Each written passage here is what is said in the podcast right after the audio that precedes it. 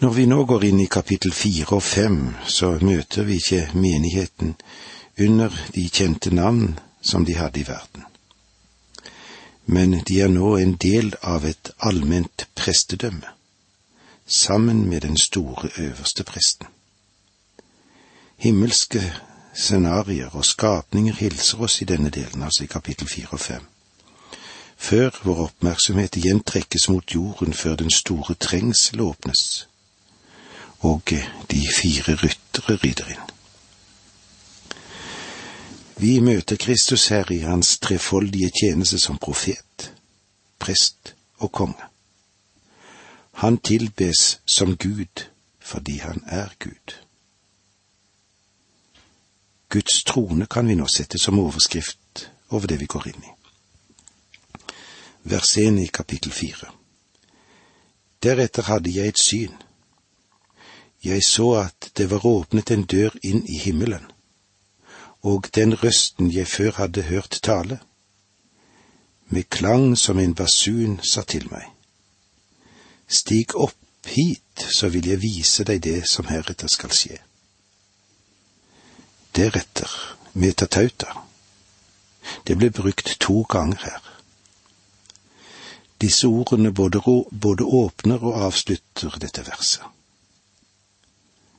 Og denne gjentagelse øker vekten og viktigheten for dette uttrykket. Hadde jeg et syn?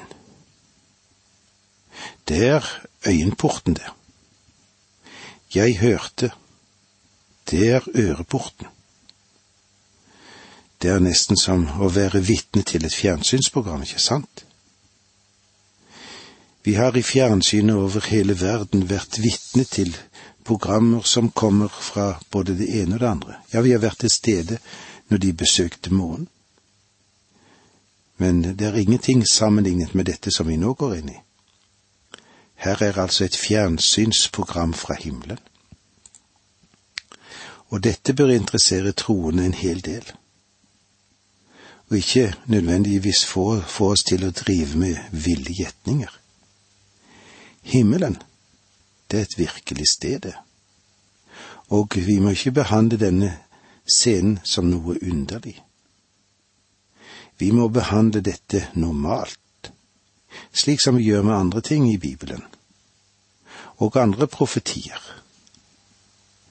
Men jeg må ærlig tilstå at jeg blir litt ekstra begeistret når jeg får lov til å lese åpenbaringsboken.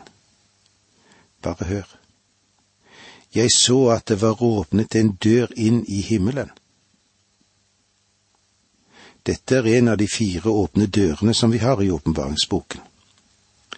Det første har vi i det åttende verset i kapittel tre.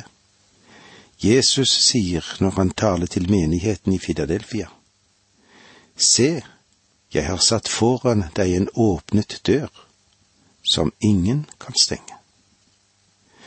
Det synes å henvise til mulighetenes dør som er åpnet for å formidle Guds ord. Og så det andre, da, den andre åpne døren. Den åpne dør som peker på innbydelse og det å bli ett med Kristus, møter vi i det tredje kapitlet vers 20. Se, jeg står foran døren og banker. Om noen hører min røst og åpner døren, da vil jeg gå inn til ham og holde måltid, jeg med ham og han med meg. Det er døren inn til ditt hjerte. Og så har vi tre, den tredje døren, da, som vi ser i åpenbaringen 4.1. Her har vi også en åpen dør, som er veien til Gud via Kristus, noe som vi vil se senere. Og så har vi da den fjerde åpne døren som vi har her i åpenbaringsboken. I det nittende kapitlet ser vi en dør åpnet i himmelen igjen. Det er den åpne dør Kristus vil komme gjennom ved sitt andre komme. Han kommer ut ved slutten av den store trengsel for å ha et sluttoppgjør med all urettferdighet og opprøret mot Gud og opprette sitt nye rike. Johannes så ikke denne døren åpne seg, Dette var en dør som var åpen hele tiden. Det er en dør som de troende har kommet til Gud med gjennom mer enn 2000 år. Jesus sa, Jeg er veien, sannheten og livet. Ingen kommer til Faderen uten ved meg. Johannes 14, 6. Han sa også, Jeg er døren. Den som går inn gjennom meg, skal bli frelst, og han skal gå inn og ut og finne beite. Johannes 10, 9. Den åpne dør til himmelen er den Herre Jesus Kristus. Han er også den som vil komme til din hjertedør. Og det er et under, og en herlighet så stor, at det burde bøye hvert hjerte i ydmykhet. Vi går inn ved tro. Stig opp hit. Det er himmelens innbydelse til Johannes og det er en innbydelse til alle som vil ta imot et fellesskap, og som kjenner til at Kristus er frelser. Johannes skrev det slik i sitt første brev, kapittel 1, vers 3. Det som vi har sett og hørt, forkynner vi også for dere, for at dere skal ha samfunn med oss, vi som har samfunn med Faderen og Hans Sønn Jesus Kristus. Johannes sier videre, vi har hørt det, vi så det, og vi forkynner det for dere. Og jeg vil at dere skal få vite at dere også kan ha fellesskap.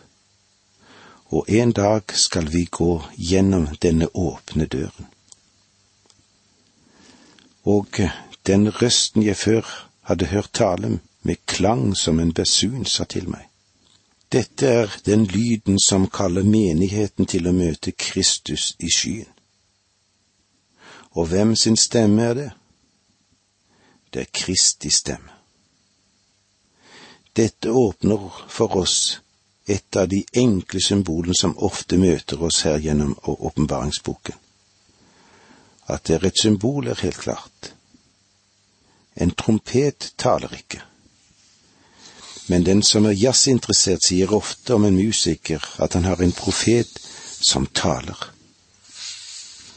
Og det er selvfølgelig en symbolsk forståelse for å tolke musikken godt. Men her sies det altså at Kristi stemme er som en basun, og det er denne stemme Paulus skrev om i Tessalonikerbrevet i det fjerde kapitlet der, vers 16 og 17. For når befalingen lyder, og det høres et rop fra overengelen, et støt i Guds basun. Da skal Herren selv stige ned fra himmelen, og de som døde i troen på Kristus, skal først stå opp. Deretter skal vi som er blitt tilbake og fremdeles lever, sammen med dem bli rykket opp i skyen, i luften, for å møte Herren, og vi skal være sammen med Herren for all tid. Dette er en klar beskrivelse av bortrykkelsen. Hvis noen sier til deg at ordet bortrykkelse ikke finnes i Bibelen, så husk at det greske ordet for rykkes opp er harpaso, som betyr å rykkes opp, bortrykkes eller snappes opp. Så Paulus har dette klart for seg. Vi skal rykkes opp, og hans stemme skal være som en basun den rykket Johannes opp, og en dag vil den rykke deg og meg også opp. Stig opp hit, så vil jeg vise deg det som heretter skal skje. Skje etter hva? Etter at menigheten har fullbyrdet sitt jordiske løp og er rykket opp. Vers to. I det samme kom Ånden over meg og se, i himmelen sto en trone, og det satt en på tronen. Med disse ordene sier vi takk for nå, må Gud være med deg. Dette undervisningsprogrammet består av to deler. Åge Nevland fortsetter nå med andre del av dagens undervisning. Vi er i åpenbaringsboken, Johannes sin åpenbaringsbok for oss. Og eh, det vi har eh, kommet frem til nå, er det fjerde kapitlet, for Guds trone. Guds trone og lam, eller tilbedelse i himmelen. I vers to i det fjerde kapitlet leser vi slik. I det samme kom Ånden over meg, og se, i himmelen sto en trone, og det satt en på tronen. I det samme, det forteller oss om en kort tid, noe som er karakteristisk også for bortrykkelsen. Paulus sa at vi skulle rykkes opp i ett nu, på ett øyeblikk. Dette kan du se i første Korinterbrev 15, 51 og 52. Et blink med øynene er ganske kort. Det er snakk om på øyeblikket, i ett nu. Ånden kom over meg. Med andre ord så leder Den hellige ånd fremdeles Johannes inn i en ny sannhet, og viser ham det som skal komme. La oss se Johannes 16, 13. Men når Han kommer, sannhetens ånd, skal Han veilede dere til den fulle sannhet. For Han skal ikke tale ut fra seg selv, men si det Han hører, og kunngjøre dere det som skal komme. Og se, i himmelen sto en trone og det satt en på tronen. Tronen var allerede der, men nå ser Johannes den for første gang. Vår oppmerksomhet rettes mot selve sentrumet for begivenhetene. Tronen, den representerer Guds universelle suverenitet og herskermakt. Den betyr at han har kontroll. Hovedkvarteret for dette universet er i himmelen. Ikke Washington eller London, eller Moskva, eller Brussel. Men dette er det bildet vi får i Guds ord. Vi leser i Salme 11,4. Herren er i sitt hellige tempel. I himmelen har Herren sin trone. Hans øyne skuer utover. Han prøver menneskene med sitt blikk. Du kan også se de andre salmene, salme 47 vers 8, salme 97 vers 2, salme 103 19 og Esekiel 1 26-28. Det er Faderens trone og Jesus som sitter ved hans høyre hånd og i Salme 110 uttrykkes det slik. Herren sier til min Herre, Sett deg ved min høyre hånd til jeg får lagt til dine fiender som skammel for dine føtter. Det kan du òg se om i Hebreerbrevet 1.3 og 12.2. Den Herre Jesus har et ansvar for alt som hender her. Nådens trone blir nå dommens trone og det er ennå en årsak til at jeg sier at menigheten er rykket bort fra verden når dette finner sted. Om menigheten fremdeles var på jorden når Kristus har forlatt forbønnens sted og er kommet til dommens sted, så er han i en feil posisjon i forhold til sin menighet. Vers tre Han som satt der, var å se på som jaspis og karneol og tronen var omgitt av en regnbue. Den var som smaragd. Det vi ser er farge, vakre farger og kostbare steiner. Her får vi ikke et bilde av Gud i det hele tatt. Han er aldri blitt fotografert. Vår oppmerksomhet rettes mot den ene som sitter på tronen. Selv om han er Gud, Faderen, så må vi forstå at dette er som den treenige Guds trone. Og likevel er de tre personlige treenighetene skilt ut. Det første, Gud den hellige ånd i versene to og fem. Gud Faderen her i vers tre, og Gud Sønnen i vers fem i kapittel fem. Det vi har foran oss her, er treenigheten på tronen. Johannes kunne ikke skille ut en menneskelig form på troen, bare glans og lys som var det mest kostbare steiner. Han som satte var å se på som jaspis. Jaspis var den siste stein felt inn i øverste prestens brystplate. Det kan du se i Annen Mosebok, kapittel 28-20. Den var den første i grunnvollen for det nye Jerusalem, og også den første som vi ser i veggen på det nye Jerusalem. Det kan du si i Åpenbaringen 21, vers 18 og 19. Det var en mangefarget stein der purpur var det dominerende av fargeslagene. Purpur. Noen identifiserer den med en diamant. Den var plassert på den brystplaten eller brystduken som tilhørte embetsdrakten for overpresten i Israel. Og den representerte lille Benjamin som Jakob kalte Sønnen ved min høyre hånd. Kanskje dette taler om Kristus som steg opp og tok sin plass ved Faderens høyre hånd. Smaragd er den sjette stein i det nye Jerusalems grunnvoll. Det kan du òg se i Åpenbaringen 2120. Pliny sier det at den ble først oppdaget i Sardes, og navnet på steinen henspiller på det. Fargen er skarpt rød.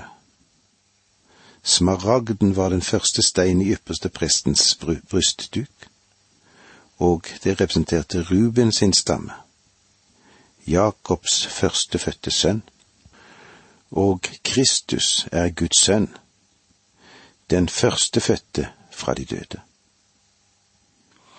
Regnbue er det greske ordet iris, som også kan bety glorie. Mens regnbuen er flerfarget, blir den her sammenlignet med smaragd, hvis hovedfargen er grønn. Det kan du se i Esekiel 1,28. Etter dommen ved syndefloden viste regnbuen seg som en påminnelse om Guds løfte om ikke ødelegge jorden igjen ved en stor flod. Det kan du se i Første Mosebok 9, 13-15. Her stiger den frem før dommen gjennom den store trengsel som en påminnelse om at en flodbølge ikke vil bli brukt i dom. Grønn er jordens farge. Antydningen her er den samme som profeten Habakuk gir.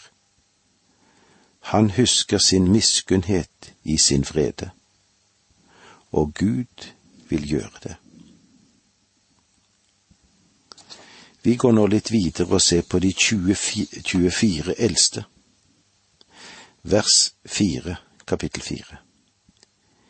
I en krets om tronen så jeg 24 andre troner, og på dem satt 24 eldste, kledd i hvite klær og med kranser av gull på hodet. Det har vært spekulert ganske mye på hvem disse eldste er. Det greske ordet for eldste er presbyteros. Disse eldste var representanter. Vi vet at Israel hadde eldste, og at de eldste ble valgt ut i de første menighetene for å styre og representere hele menigheten. Det kan du se i Titus 1.5. Deres rolle ble klart forstått av folket på Johannes sin tid. Disse 24 eldste står for den totale kirke fra pinse til bortrykkelse og det er en vesentlig årsak til at jeg sier at her befinner menigheten seg i himmelen. Hvite klær, det er Kristi rettferdighet, slik som vi også ser det i 2. Korinterbrev 5.21. Kranser av gull, det antyder at menigheten skal herske med Kristus. Kroner eller kranser gis også som belønning når dommen ved Bema, Kristi domstol, finner sted.